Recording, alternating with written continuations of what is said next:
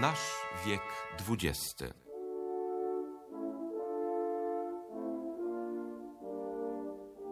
Postacie, Celui qui fit triompher la France républicaine et l'Allemagne de Guillaume II. cienie. Uomini e donne d'Italia, dell'impero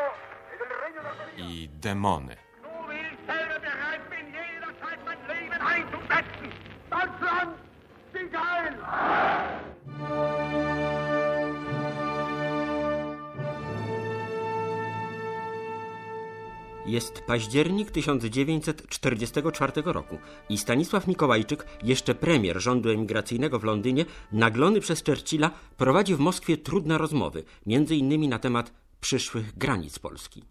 Strona sowiecka pisze w swych sprawozdaniach do Londynu towarzyszący Mikołajczykowi minister Romer, upiera się przy tak zwanej linii Kerzona, którą przypomniał sobie Stalin jako koncepcję brytyjską jeszcze z lat 1919-20. Dla Polski wydaje się ona nie do przyjęcia, nawet z pewnymi korektami, przede wszystkim jeśli chodzi o Lwów. Przed opuszczeniem Moskwy 18 października Mikołajczyk po raz ostatni udaje się do Stalina, proponując coś w rodzaju linii demarkacyjnej rozdzielającej strefy wpływów, zanim wojska radzieckie wejdą w głąb Polski. Linia demarkacyjna, odpowiedział Stalin, to nie granica. Ja stanowczo obstaję przy natychmiastowym ustaleniu granic, które mają biec wzdłuż linii Kerzona. Nie została ona wymyślona przez nas, ale przez ówczesnych sojuszników, Anglików, Francuzów i Amerykanów. My od linii Kerzona odstąpić nie możemy. Przecież Kerzon był naszym wrogiem, a taką granicę zaproponował. Jeśli teraz zrobilibyśmy jakieś odstępstwa od tej linii, byłoby nam po prostu wstyd. W trzy miesiące później w Jałcie, gdy Roosevelt i Churchill nalegali, by Rosja uczyniła wielkoduszny gest i pozostawiła Polsce Lwów wraz z zagłębiem naftowym, w protokole konferencji Wielkiej Trójki zapisano. W odpowiedzi Stalin, powołując się na stanowisko wielkich mocarstw z okresu paryskiej konferencji pokojowej w 1919 roku, wyjaśnił, iż nie chciałby się narazić na zarzut, że Stalin i Mołotow są mniej godnymi zaufania obrońcami Rosji niż Lord Curzon i Clemenceau.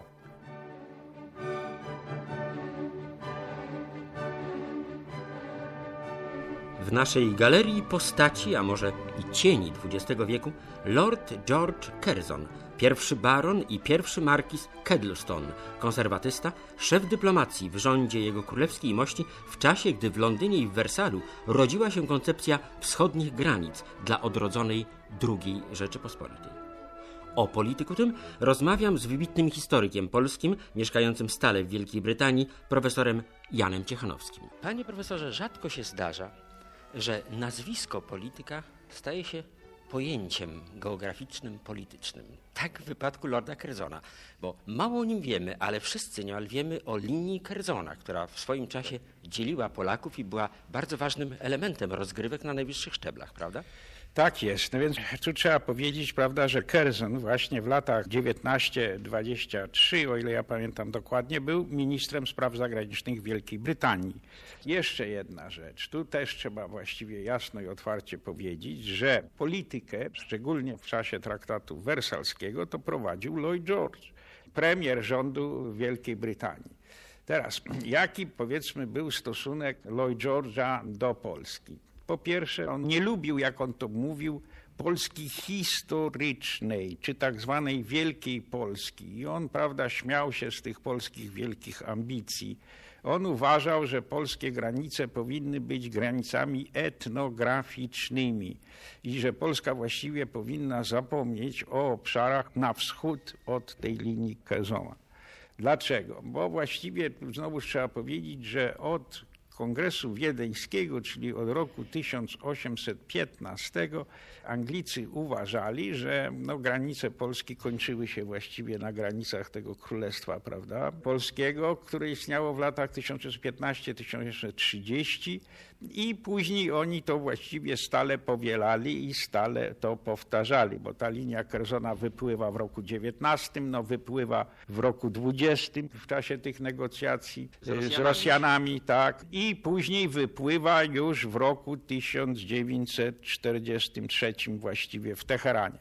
I znowuż też trzeba powiedzieć, że już od października, listopada 1939 roku brytyjski Foreign Office uważał te tereny prawda, zajęte przez bolszewików właściwie za tereny dla Polski stracone. Więc tu nie tyle był ważny Curzon, ile był ważny Lloyd George w tych sprawach. Jeszcze jedna rzecz. Lloyd George obawiał się, że jeżeli Polska zajmie za dużo ziem na wschód, a jeszcze weźmie czy zdobędzie zbyt dużo ziemi na zachodzie kosztem Niemiec, że prędzej czy później dojdzie do porozumienia niemiecko-rosyjskiego i to się skończy czwartym rozbiorem Polski. No i właściwie tak się skończyło, prawda? Więc on tego się tu obawiał. Jeszcze była jedna rzecz, co wywierało wpływ na tą politykę brytyjską, prawda? Brytyjczycy zawsze dążą do utrzymania równowagi na kontynencie europejskim. To znaczy, oni uważają, że nie można pozwolić jednemu państwu panować nad całym kontynentem i dalej, że tych powiedzmy większych państw powinno być więcej. Tak się złożyło, że po klęsce Niemiec w listopadzie 1918 roku i po upadku Austro-Węgier i po upadku prawda, Rosji carskiej, Francja stała się najpotężniejszym państwem na kontynencie europejskim. Dalej, Anglicy właściwie jeszcze nawet gdzieś do roku 1940 uważali, że krajem odpowiedzialnym za sprawy polskie jest Francja. Ponieważ Clemenceau chciał, żeby ta Polska była jak największa, żeby ta Polska była jakimś surogatem Rosji, a oni uważali zaraz po zakończeniu I wojny światowej, że Polska jest właściwie satelitką Francji, a więc chodziło o to, żeby nie okroić te Niemcy i tak samo, prawda, żeby nie okroić tej Rosji bardzo. I tu chyba leżą główne powody, dla których ci Anglicy zawsze popierali właściwie tą linię. Ale jak mówię, żeby to zrozumieć, to chyba trzeba się cofnąć właśnie do Kongresu Wiedeńskiego i do granic Królestwa Polskiego.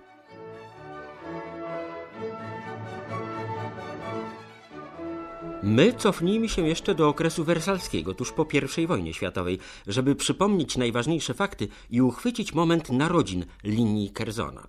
8 grudnia 1919 roku powołana na mocy traktatu wersalskiego Rada Najwyższa Mocarstw Sprzymierzonych i Stowarzyszonych, organ złożony z szefów rządów i dyplomacji pięciu zwycięskich państw w I wojnie światowej, wytyczyła linię, która miała stanowić tymczasową wschodnią granicę polskiej administracji. Swoją umowną nazwę Kerzona linia ta uzyskała w 1920 roku podczas wojny polsko-bolszewickiej. Notę rządu brytyjskiego z 11 lipca do komisarza spraw zagranicznych Chicherina, czytamy w najnowszych dziejach Anglii, podpisał Lord Curzon i stąd właśnie wzięła się tak zwana linia Curzona na cześć proponowanej wówczas granicy polsko-sowieckiej. Jej przebieg miał być następujący. Na północy z rejonu Dźwińska do Wilna i stamtąd wzdłuż linii kolejowej do Grodna jako granica polsko-litewska i dalej na południe w stronę Brześcia wzdłuż Bugu w rejon Chrubieszowa, później zaś przez Kryłow na zachód od Rawy Ruskiej i na wschód od Przemyśla aż do Karpat. Bolszewicy, licząc na ostateczne zwycięstwo, odrzucili propozycję Kerzona, co przede wszystkim zdenerwowało Lloyda George'a, a późniejsze polskie sukcesy wojenne i odwrót spod Warszawy Armii Czerwonej zdeaktualizowały tę linię jako podstawę do ustalenia granicy.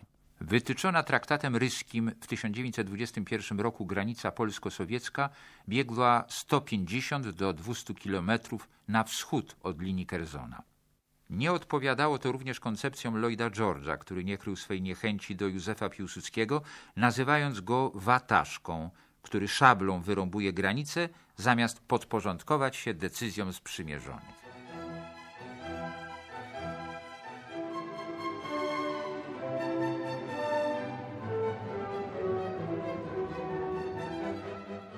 Przytoczone tu fakty potwierdzają, że Lord Curzon spełnił u boku Lloyd George'a rolę zaledwie sztabowca, który przygotował dokumenty i wręczył je szefowi dyplomacji rosyjskiej. Nie był twórcą samej koncepcji czy też idei przyszłych granic Polski. Nie, on nie był, bo on miał swoich doradców, którzy mu przedstawili ten plan. teraz. Jednym z doradców w Ministerstwie Spraw Zagranicznych w owym czasie był niejaki Ludwik Niemier, czyli Niemierowski. To był syn obywatela ziemskiego, pochodzenia żydowskiego, już z rodziny całkowicie właściwie spolonizowanej.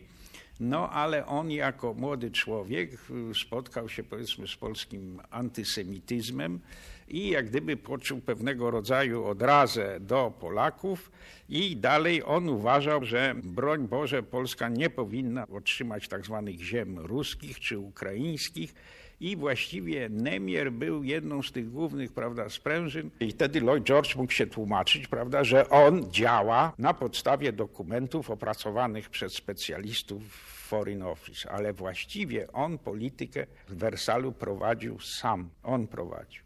Ale jak to się stało, że właśnie weszła do historii jako linia Curzona, nie linia na Bugu, linia Lloyda George'a, tylko właśnie Curzona. No, to wyszło z kuchni, prawda, Ministerstwa Spraw Zagranicznych i on jako minister spraw zagranicznych musiał to podpisać, prawda, jakby był inny minister spraw zagranicznych, na przykład McDonald, to byłaby linia McDonalda. A i to przypomina pakt Ribbentrop-Mołotow, że w gruncie rzeczy był to pakt Hitlera ze Stalinem, ale oni obydwaj podpisali, szefowie zresztą dyplomacji. No, znaczy, no, George nie był dyktatorem, ponieważ rząd był koalicyjny, to on musiał do pewnego stopnia uwzględniać tych partnerów, prawda? No a ponieważ ten był jednym z czołowych przedstawicieli czy liderów partii konserwatywnej, był ministrem spraw zagranicznych, więc on do pewnego stopnia z jego zdaniem się musiał powiedzmy liczyć, ale ja sądzę, że to było zrobione na zamówienie prawdopodobnie samego Lloyd George'a.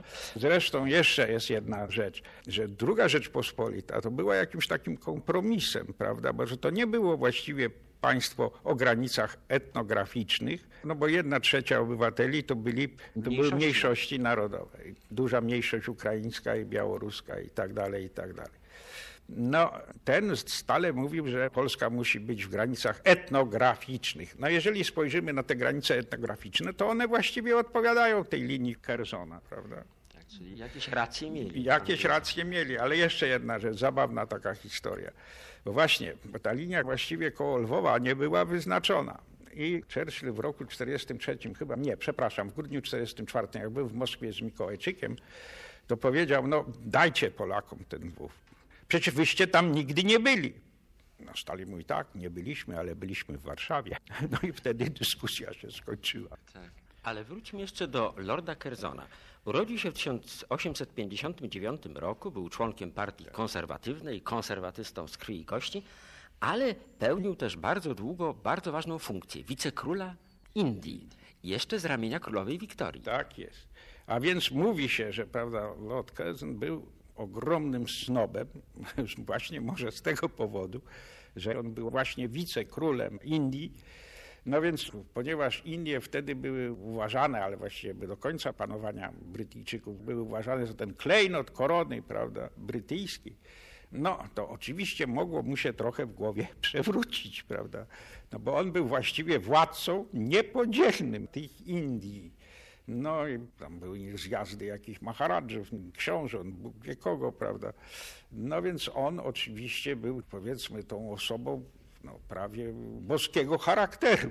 Odbywał też podróże jako wicekról, między innymi do Zatoki Arabskiej. Tam Tak. przyjmował hołdy od szejków. Tak jest, a więc był tą drugą osobą po monarsze w Imperium Brytyjskim, prawda, ze swojego tytułu jako wicekról Indii. On sam twierdził, że dopóki Wielka Brytania panuje nad Indiami, dotąd jest imperium, jest mocarstwem. Że traci Indię, traci swoją potęgę. No tutaj miał chyba rację. No tak, ale są też Anglicy, którzy uważali, że właściwie utrzymanie imperium ich za drogo kosztowało, że oni do tego interesu dokładali. No, czy dokładali, czy na tym zarabiali, to nie wiem. Ale to nie tylko Lord Curzon, prawda, uważał, że Indie muszą być częścią imperium brytyjskiego, bo tak samo i Churchill nie chciał dopuścić do usamodzielnienia się Indii. Prawda? Nawet Churchill też kiedyś powiedział Rooseveltowi, że on nie po to został premierem brytyjskim, żeby przewodniczyć nad dezintegracją prawda, Imperium Brytyjskiego. No więc e, wszyscy właściwie tacy konserwatyści z krwi i kości byli za utrzymaniem Imperium Brytyjskiego i za utrzymaniem Indii. No ale po 1942 roku, po tych rozruchach w Indiach właściwie to się stało niemożliwe. Jeszcze jedna rzecz. Amerykanom chodziło nie tylko o pobicie Niemiec Hitlera, czy powiedzmy Japonii. Im tak samo chodziło o rozwiązanie imperium, imperium brytyjskiego, holenderskiego, francuskiego i tak dalej, i tak dalej.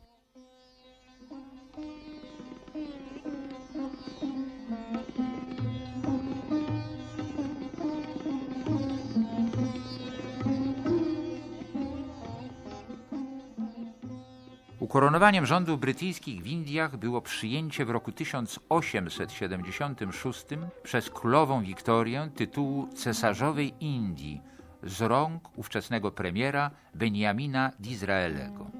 System zarządzania subkontynentem był autokratyczny. Od szefa dystryktu poprzez komisarza prowincji, gubernatora i gubernatora generalnego do namiestnika noszącego oficjalny tytuł wicekróla. W roku 1899 został nim Lord Curzon, czując się znakomicie w swej roli. Urzędował we wspaniałym pałacu w Delhi, zaś otaczający go iście wschodni przepych mógłby nawet denerwować znaną z surowości obyczajów królowę Wiktorię, gdyby nie fakt, że dożywała ona właśnie swych dni po 60 już latach szczęśliwego panowania. Curzon ów archetyp imperialisty Srebrnego wieku, jak określił go historyk angielski Paul Johnson, zasłynął stwierdzeniem, że dopóki Anglia panuje nad Indiami, dopóty stanowi największą potęgę w świecie. Jeśli tę władzę straci, spadnie natychmiast do roli trzeciorzędnego mocarstwa – już jako członek rządu przeraził się, gdy specjalnie powołana Komisja dla Spraw Indii zaproponowała w 1917 roku stopniowy rozwój niezależnych instytucji w tym kraju, prowadzący ostatecznie do samorządu. Przeświadczony o magicznej roli swego pióra i swego autorytetu jako byłego wicekróla, w wystosowanym do premiera memoriale przestrzegał, że dla nas określenie sformułowany ostatecznie samorząd może oznaczać i 500 lat, podczas gdy dla łatwo ekscytujących się Hindusów zaledwie jedno pokolenie. Indie muszą pozostać integralną częścią imperium, powtarzał w memoriale i zapewne wówczas śnił raz jeszcze swój baśniowy sen z Delhi, pełen orientalnych woni, churys, szmaragdów i oddających hołd namiestnikowi korony Maharadżów.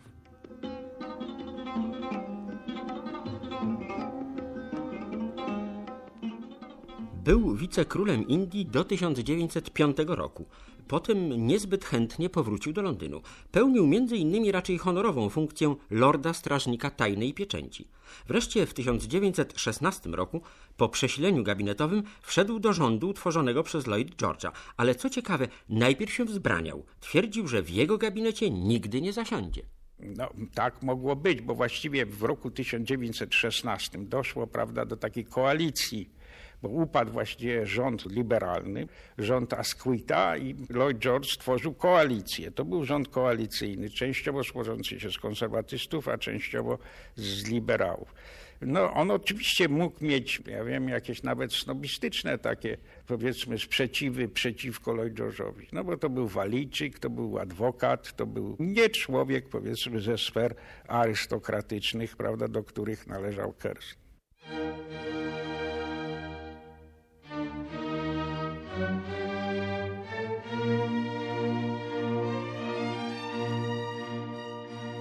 Upadek słabego gabinetu Asquita i sformowanie rządu koalicyjnego przez Lloyda George'a spowodowało, pisze Paul Johnson, iż w grudniu 1916 roku do władzy doszli imperialiści z Balliol, Lord Curzon, Lord Milner i kilku innych polityków konserwatywnych, absolwentów Balliol College w Oksfordzie. Ich wizja była imperialna, głównym marzeniem właściwy i sprawiedliwy podział łupów po zwycięskiej wojnie. Klimat w oksfordzkim koledżu był surowy. Wielkiej Brytanii przypisywano tam rolę orędownika cywilizowanej sprawiedliwości, którą to sprawiedliwość, w razie potrzeby, wypadało narzucać w sposób zdecydowany. Żywym wcieleniem tego poglądu był Lord Curzon, wybredny, dowcipny, wytworny i niezwykle kulturalny, lecz nieugięty w podtrzymywaniu prymatu interesów brytyjskich, które utożsamiał z moralnością jako taką. Rząd nasz, mówił, nigdy nie działa w niezgodzie z danym słowem, nigdy nie jest nielojalny wobec sojuszników, nigdy nie czyni nic potajemnie czy nieuczciwie.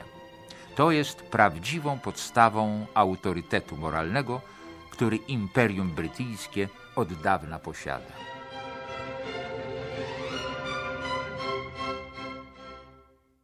Lloyd George nie zabrał go na konferencję wersalską, przynajmniej na jej początek. Curzon został jako kierujący ministerstwem w Londynie, W na Londynie, miejscu. tak, no bo jak już powiedziałem, właściwie w, w Wersalu, no to odgrywało trzy postacie główną rolę. Lloyd George, Clemenceau i Wilson. I ci ludzie właściwie decydowali. No byli jeszcze Włosi i byli jeszcze Japończycy, ale ci trzej właściwie decydowali.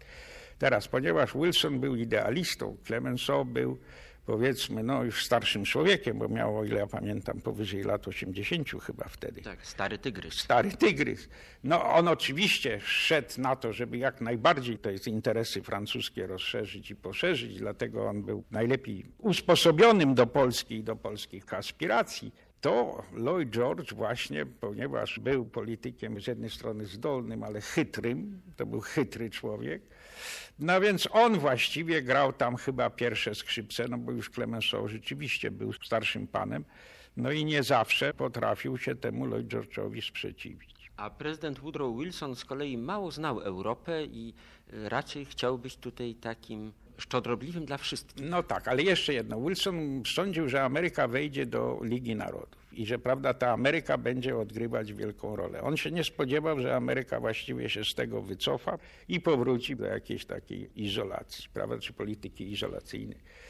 No, więc z tego powodu Lloyd George, jak mówię, tam odgrywał ogromną rolę. Teraz, Lloyd George był bardzo bezwzględny, prawda? W ogóle nie lubił małych państw. On myślał kategoriami państw wielkich. On na przykład mówił, no dobrze, jeśli powstanie Polska, no to może ta Rosja wtedy zacznie się zajmować sprawami azjatyckimi niż europejskimi. Więc on stale myślał kategoriami tej polityki równowagi, prawda, żeby Rosja w jakiś sposób równoważyła Niemcy, a Niemcy Francję, prawda, i to wtedy pozwala Anglii na odgrywanie czołowej roli na kontynencie. I zresztą ta polityka do pewnego stopnia trwa do dzisiaj, prawda, więc tu, tu się nie łudźmy, że Anglicy też w tej chwili mówią, że tak, my chcemy być w Europie, ale ta Europa musi być niezintegrowana zbyt bardzo, prawda, i tu, żeby te Niemcy tam nie odgrywały głównej roli i tak dalej, i tak dalej. Więc ta polityka jest bardzo stara. Wracając do Kerzona, jeszcze jego nazwisko e, wypływa, kiedy przewodniczy Międzynarodowej Konferencji w Lozannie e, w sprawie grecko-tureckiego traktatu pokojowego od 1922-1923.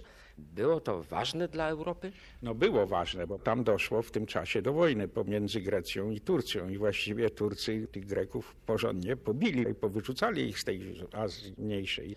No więc on tą sprawę załatwił. No, czy załatwił, bo ci Turcy i Grecy jeszcze do tej pory mają pretensje, czy to tam do Cypru, czy do swoich granic itd. itd. Jeszcze jest jedna rzecz, też trzeba powiedzieć, że właściwie jeśli chodzi o strukturę, no to Foreign Office składa się z polityków i członków służby publicznej, dyplomatów. I właściwie ci dyplomaci w dużej mierze ustawiają tych polityków, prawda? A politycy przyjmują za to odpowiedzialność. No więc ponieważ Lord Curzon był wtedy ministrem spraw zagranicznych, no to wszystko odbywało się w jego imieniu, prawda?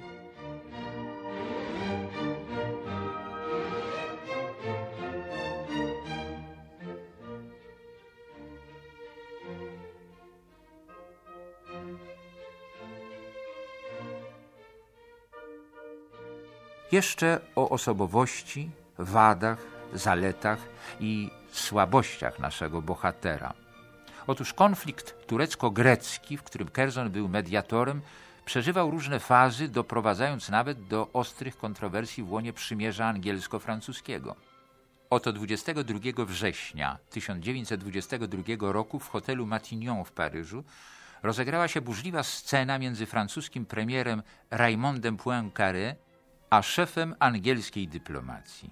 Francuzi wycofali właśnie swoje oddziały z Szanak, wystawiając nieznaczny kontyngent brytyjski na wściekłe ataki nacjonalistów Ataturka, co musiało doprowadzić do upokorzenia Brytyjczyków. Curzon przyjechał do Paryża, by zaprotestować. Obaj panowie nienawidzili się wzajemnie. Poincaré był rzecznikiem francuskich rentierów, surowym, pruderyjnym i skąpym człowiekiem. Wszystkie swoje listy uparcie pisał odręcznie, zatrudniając urzędowego posłańca.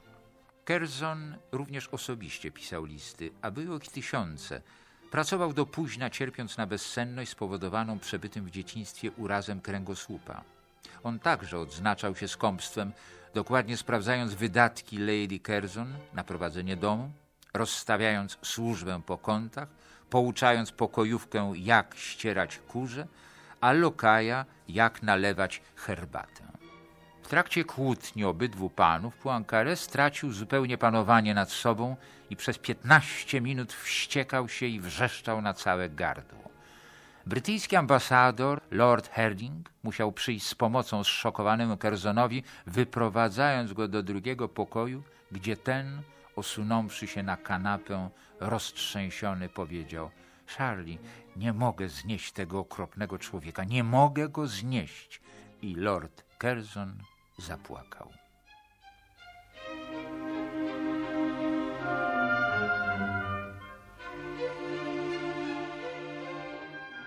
Jak można ocenić tę postać? Był na swój sposób wybitnym politykiem, wywierał wpływ na losy Anglii Europy, czy był w pewnym sensie figurantem, pomocnikiem kolejnych premierów, jego czy jej królewskiej mości? No, oczywiście w polityce brytyjskiej jako wicekról Indii to on odgrywał ogromną rolę, ale ja sądzę, że już w rządzie Lloyd George'a no to on takiej czołowej roli nie odgrywał, prawda, że tu główną rolę odgrywał nie jednak pan David Lloyd George, ten walijczyk, adwokat z małego miasteczka, ten chytry i sprytny człowiek. Zresztą jego można uważać za jednego z architektów zwycięstwa nad Niemcami, że to właśnie kto te Niemcy w końcu pobił w tym 1918 roku. No Anglicy, Francuzi i Amerykanie, a więc, prawda, Lloyd George, Clemenceau i Wilson. I oni odgrywali główną rolę.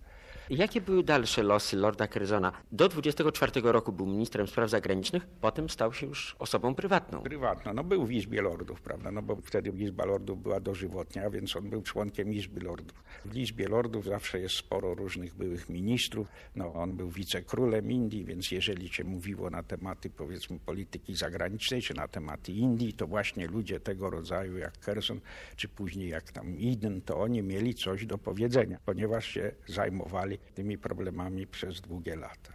Ale już roli właściwie takiej czołowej nie odgrywał, tylko wiem, że się z niego bardzo śmiano, że właśnie to taki straszny snob.